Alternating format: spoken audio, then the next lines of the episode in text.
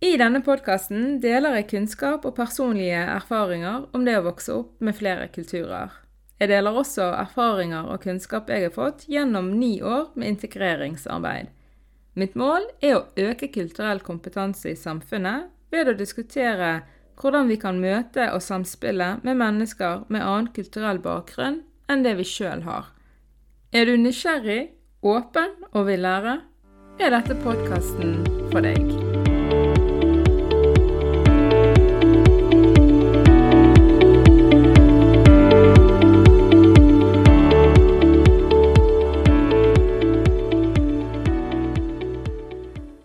Hei, alle sammen, og velkommen til en bonusepisode som jeg har valgt å lage om fordommer. Jeg har jo snakket litt om rasisme og mikroaggresjoner, og jeg snakker mer om det òg i seinere episoder. Da tenkte jeg at det kan være lurt å, å lage faktisk en episode der jeg snakker litt mer konkret om det med fordommer, og hva vi kan gjøre med de. For det er sånn at alle har fordommer. Absolutt alle. Til og med meg sjøl. Jeg som er krysskulturell sjøl, som har blitt utsatt for fordommer og rasisme, som er en sosionom og har spesialisert meg i menneskerettigheter. Jeg har også fordommer. Og det var faktisk noe av det første jeg lærte da jeg studerte psykologi og under min utdanning som sosionom. At vi skaper oss en forforståelse av andre, at vi på en måte plasserer forskjellige mennesker i, i båser, og så gjør vi oss en mening om de. Men hva er egentlig en fordom, da? Jo, altså det er jo en Det er en forenkling av andre mennesker. Det er en holdning som vi har om personer, om ideer eller en gruppe mennesker.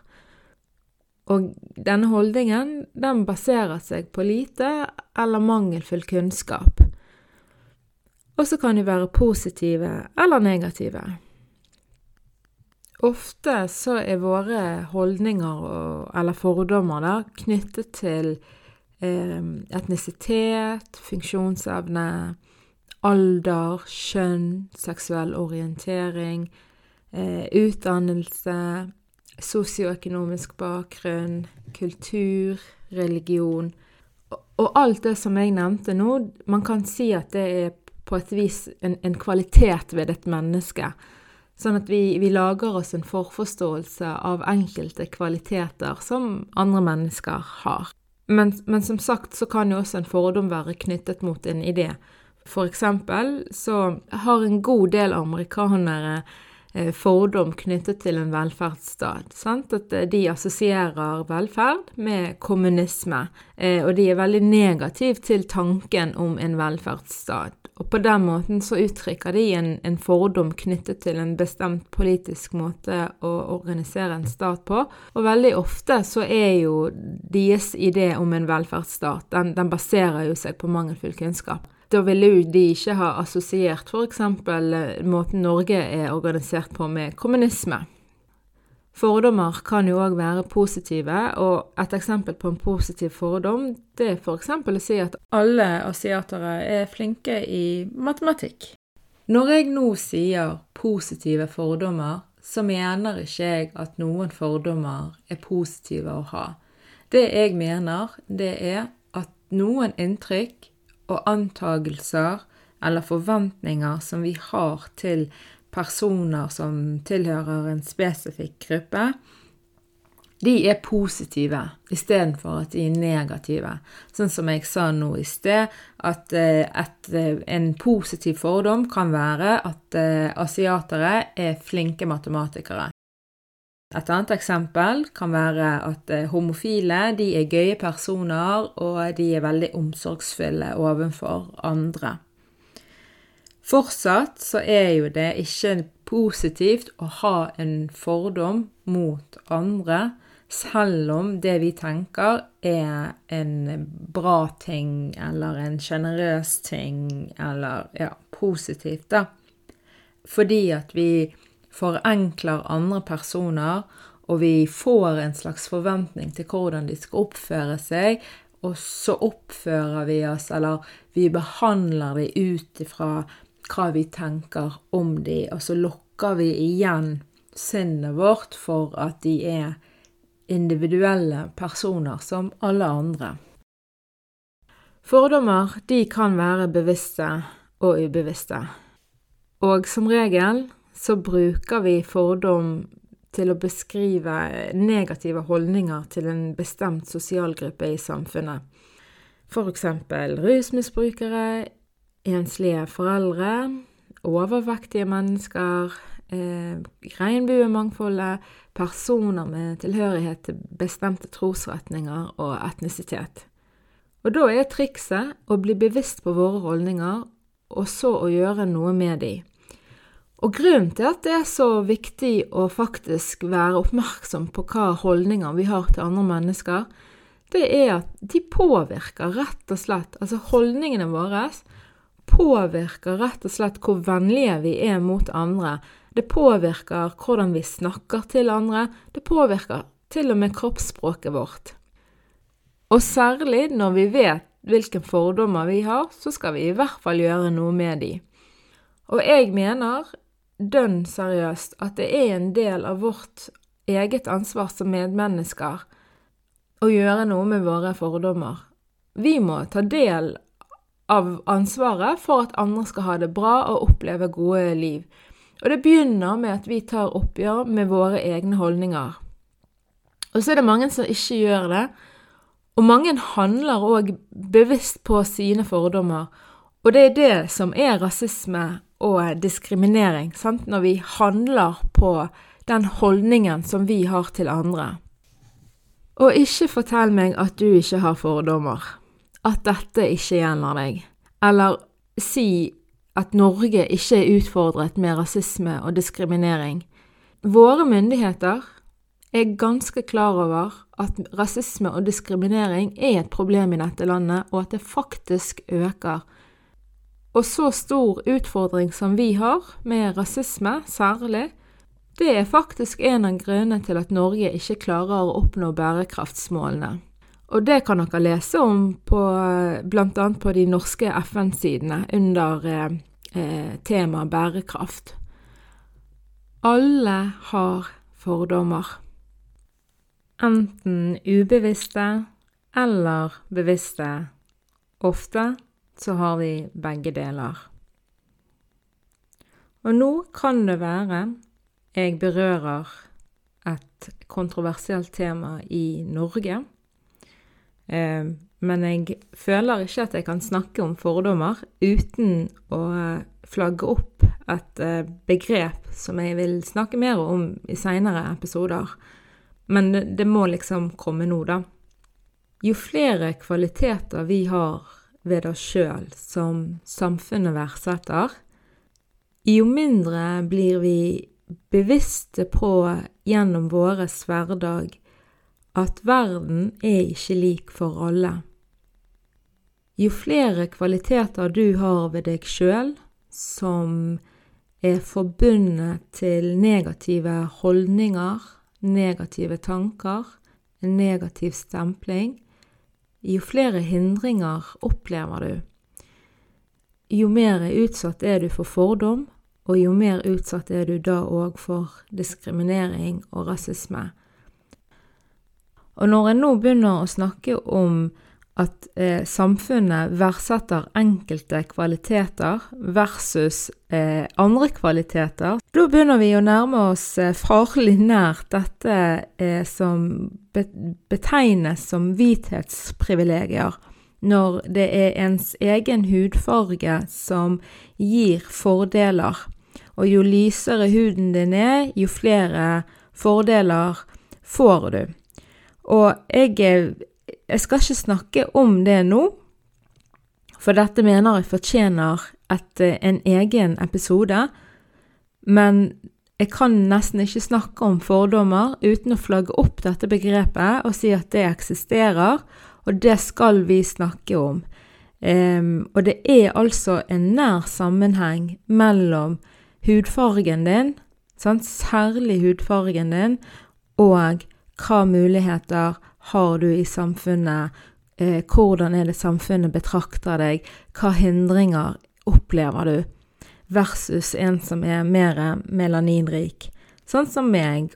Og nå kjenner jeg at jeg blir også nødt for å si allerede nå at det betyr ikke at folk som er lys i huden, ikke har jobbet hardt for å oppnå det de har oppnådd, eller at de skal skamme seg over hudfargen sin, eller at de ikke er gode mennesker. På ingen måte.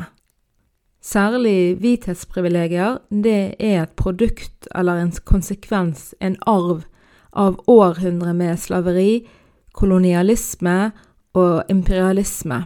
Og grunnen til at jeg velger å ta det opp allerede nå, det er fordi at hvis vi klarer å bli bevisste på at dette eksisterer, hvis vi på en måte kan svelle litt vår egen stolthet, og høre på de som faktisk eksponeres for rasisme og diskriminering basert på deres hudfarge, hvis vi klarer å ta inn over oss det som eh, forskning viser, så kan vi begynne å gjøre noe med det.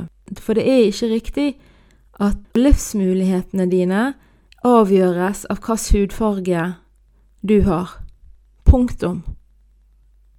Og vi er tilbake til at vi alle har et ansvar for å ta et oppgjør med oss sjøl, for å ta et oppgjør med våre fordommer. Og når jeg sier at alle har fordommer, så mener jeg alle. Og jeg ble veldig klar over mine ubevisste fordommer en gang under masterstudiet mitt. Og det, det jeg skal fortelle nå, er, jeg, jeg syns det er pinlig, og jeg skammet meg over det ganske lenge. Og så fant jeg ut av at eh, jeg må bare slutte å skamme meg, jeg må legge det fra meg, fordi skam, det, det gjør ofte at vi ikke klarer å handle. Og så lenge jeg gikk rundt med en sånn skamfølelse, så, så klarte ikke jeg å, å, ta et skikkelig oppgjør med mine holdninger. Skam hjelper oss ingenting, så det må vi bare legge fra oss. Det er mer viktig at vi faktisk handler på det som vi ser er feil ved oss sjøl, eh, eller det som vi kan forbedre med oss sjøl, enn at vi ikke gjør noen ting, men bare går rundt og skammer oss og ikke tør å snakke om det. Men tilbake til det som skjedde, da. Jeg tok jo min master i England, så der var jeg et helt år. Og når jeg begynte på masterstudiet, da var jeg allerede ferdig utlært sosionom, og jeg hadde jobbet i barnevernet i noen år. Og som barnevernsansatt, altså både som en sosionomstudent og som en barnevernsansatt, så hadde jeg allerede god trening i å reflektere rundt verdier og etikk Eh, for det er så viktig å være i kontakt med seg sjøl og være bevisst på sine verdier og holdninger når man skal ut i samfunnet og jobbe med sårbare grupper, som jo ofte er stigmatiserte. Så jeg tenkte jo at eh, jeg hadde et veldig avklart forhold til meg sjøl, og eh, hvordan jeg skulle håndtere de fordommene som jeg hadde. Og jeg mente jo sjøl at jeg ikke hadde noen fordommer, fordi at eh, dette har jo jeg tross alt jobbet med i så mange år. Og så er det altså sånn at um, under masterstudiet så blir jeg kjent med en, eh, med en som er en veldig god venninne av meg i dag, Rachel. Og hun har bursdag, og vi skal feire den på en restaurant i London. Eh, og på denne restauranten så spiser man da altså i mørket. Det er bekmørkt, du ser ingenting, sant. Og det er jo da for at du skal forsterke andre sanser under denne matopplevelsen her. Og akkurat den helgen vi var ute og spiste, da var jeg altså så frustrert. Jeg, eh, jeg delte kjøkken med fire andre. Jeg hadde mitt eget bad, jeg hadde mitt eget rom, men, men da var det altså kjøkkenet som jeg delte med fire andre. Og tre av de, de eh, Vel, vi hadde veldig ulike standard for hygiene på kjøkkenet. Og i starten av skoleåret så eh, forklarte jeg de hva vi bruker en kjøkkenvifte til, f.eks., for, for det, det hadde ikke de kunnskap om. Hvorfor vi skal tørke opp søl etter oss, og hvorfor det ikke er bra å bruke samme kniv og samme skjærebrett til å skjære i rått kyllingkjøtt eh, og grønnsaker. Vi hadde rett og slett eh, ulik kunnskap om eh, hygiene på kjøkkenet. Og så hadde jo vi noen regler som de da ikke overholdt. Og frustrasjonen min var begynt å bygge seg, fordi at ofte så kunne jeg komme til et kjøkken der det var mye søl så de ikke hadde tørket opp etter seg. Det var eh, blodflekker på veggene, eh, matrester i vasken, eh, matrester på bordet. Det var både rotete, og det var skittent, og det var ikke hygienisk. Og så toppet jo det seg for meg når jeg oppdaget at en av de vasket skittentøyet sitt i kjøkkenvasken. Så det var utgangspunktet når eh, en av de som eh, var med på denne middagen, spurte meg eh, hvordan det gikk med romkameratene mine, for da var det faktisk blitt en sak. Jeg var så lei av å komme til et så skittent og ekkelt kjøkken, og jeg syntes ikke det var rett, så da hadde jeg tatt saken videre, og skolen var jo da involvert i dette her. Og det visste de som jeg var eh, på middag med. Så da får jeg spørsmålet hvordan, hvordan det gikk med romkameratene mine, da. Og da fortalte jeg liksom ja, hvordan det gikk, og sånn og sånn. Og så kommer da frustrasjonen min. Da var det altså sånn at disse tre som jeg var så frustrert over, de kom fra samme land. Eh, samme by òg, faktisk, til og med. Eh, ifra Kina. Og der slo mine ubevisste fordommer til, og det kom en hel masse ut av min munn om annet at kinesere har jo ikke hygiene, og de er så skitten, og så kom det mye annet. Og det var jo frustrasjonen min som kom ut, men det forteller allikevel noe om hvilken formening jeg har hatt om folk som kommer ifra Kina. Og så, mens jeg står der og bare spyr ut gørra, så er det en fra nabobordet som kremter. Og så sier hun på godt amerikansk Excuse me, honey, but I've listened to what you said. Og der hun med rette opplever jo seg da krenket av det jeg har sagt, og at jeg har generalisert, eh, og at hun ikke kunne kjenne igjen noe av det jeg sa.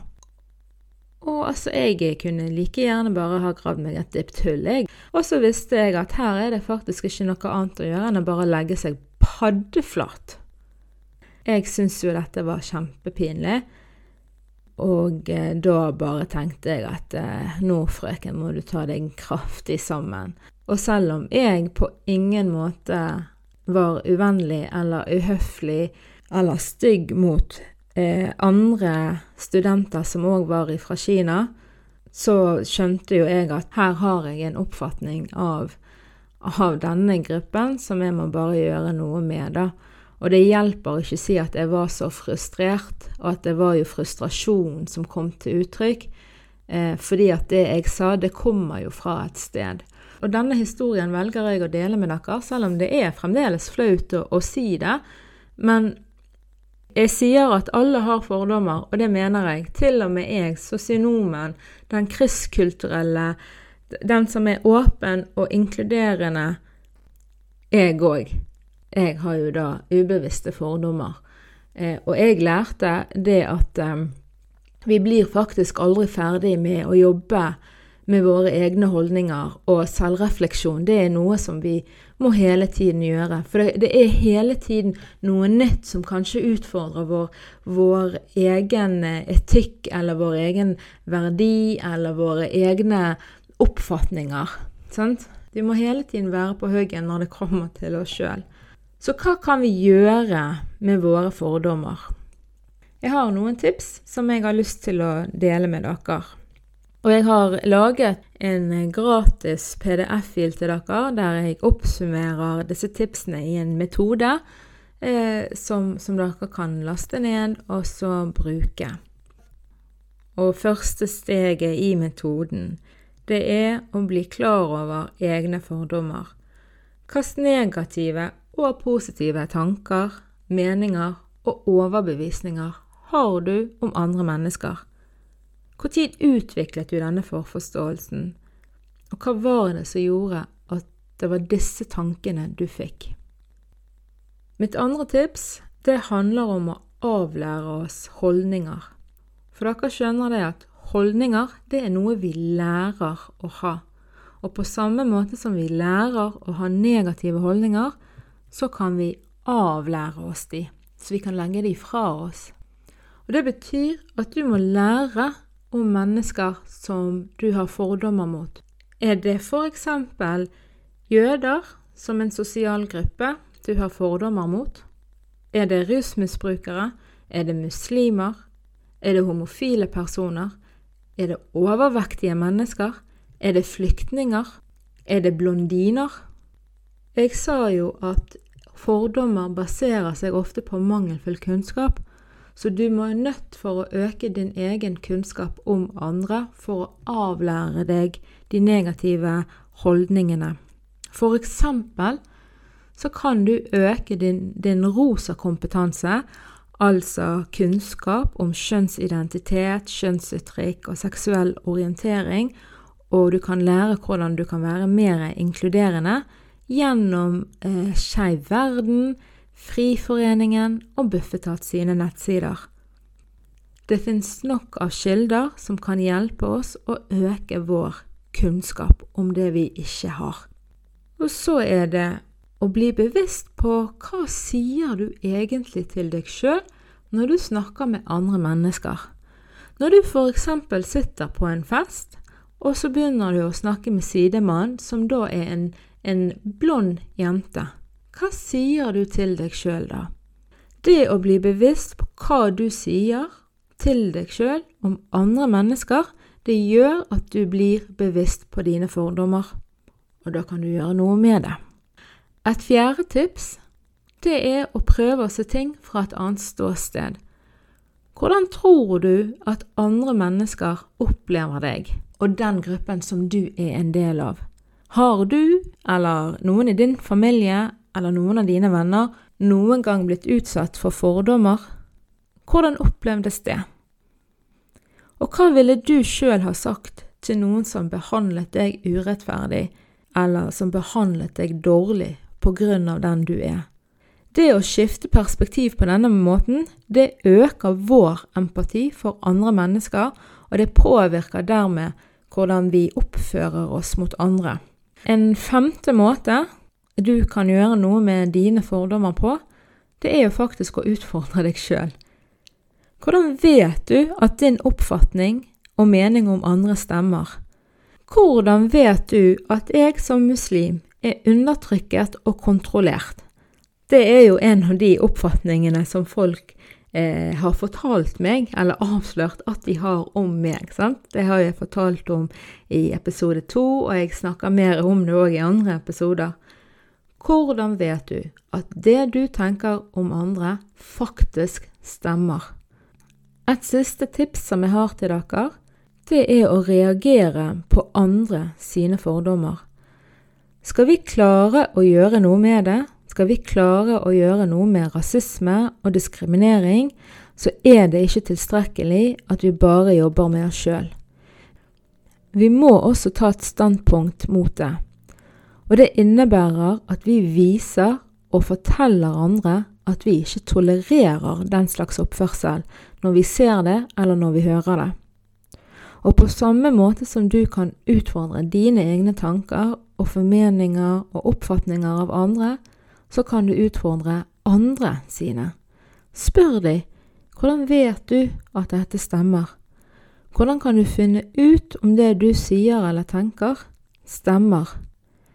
ikke du litt rask på avtrekkeren når du dømmer andre uten å kjenne de? Det er ubehagelig å gå inn i seg sjøl, for det kan være at vi finner ut at vi har noen tanker og holdninger og meninger eh, som vi egentlig ikke liker å innrømme at vi har. Men det er nødvendig, og det viktige det er at vi gjør noe med det så det gjør ingenting at du oppdager at du har noen sider ved deg sjøl som du ikke liker. Tvert imot, det er en bra ting, for da kan du gjøre noe med det. Og derfor skal vi heller ikke skamme oss over det vi finner ut av når vi går inn i oss sjøl.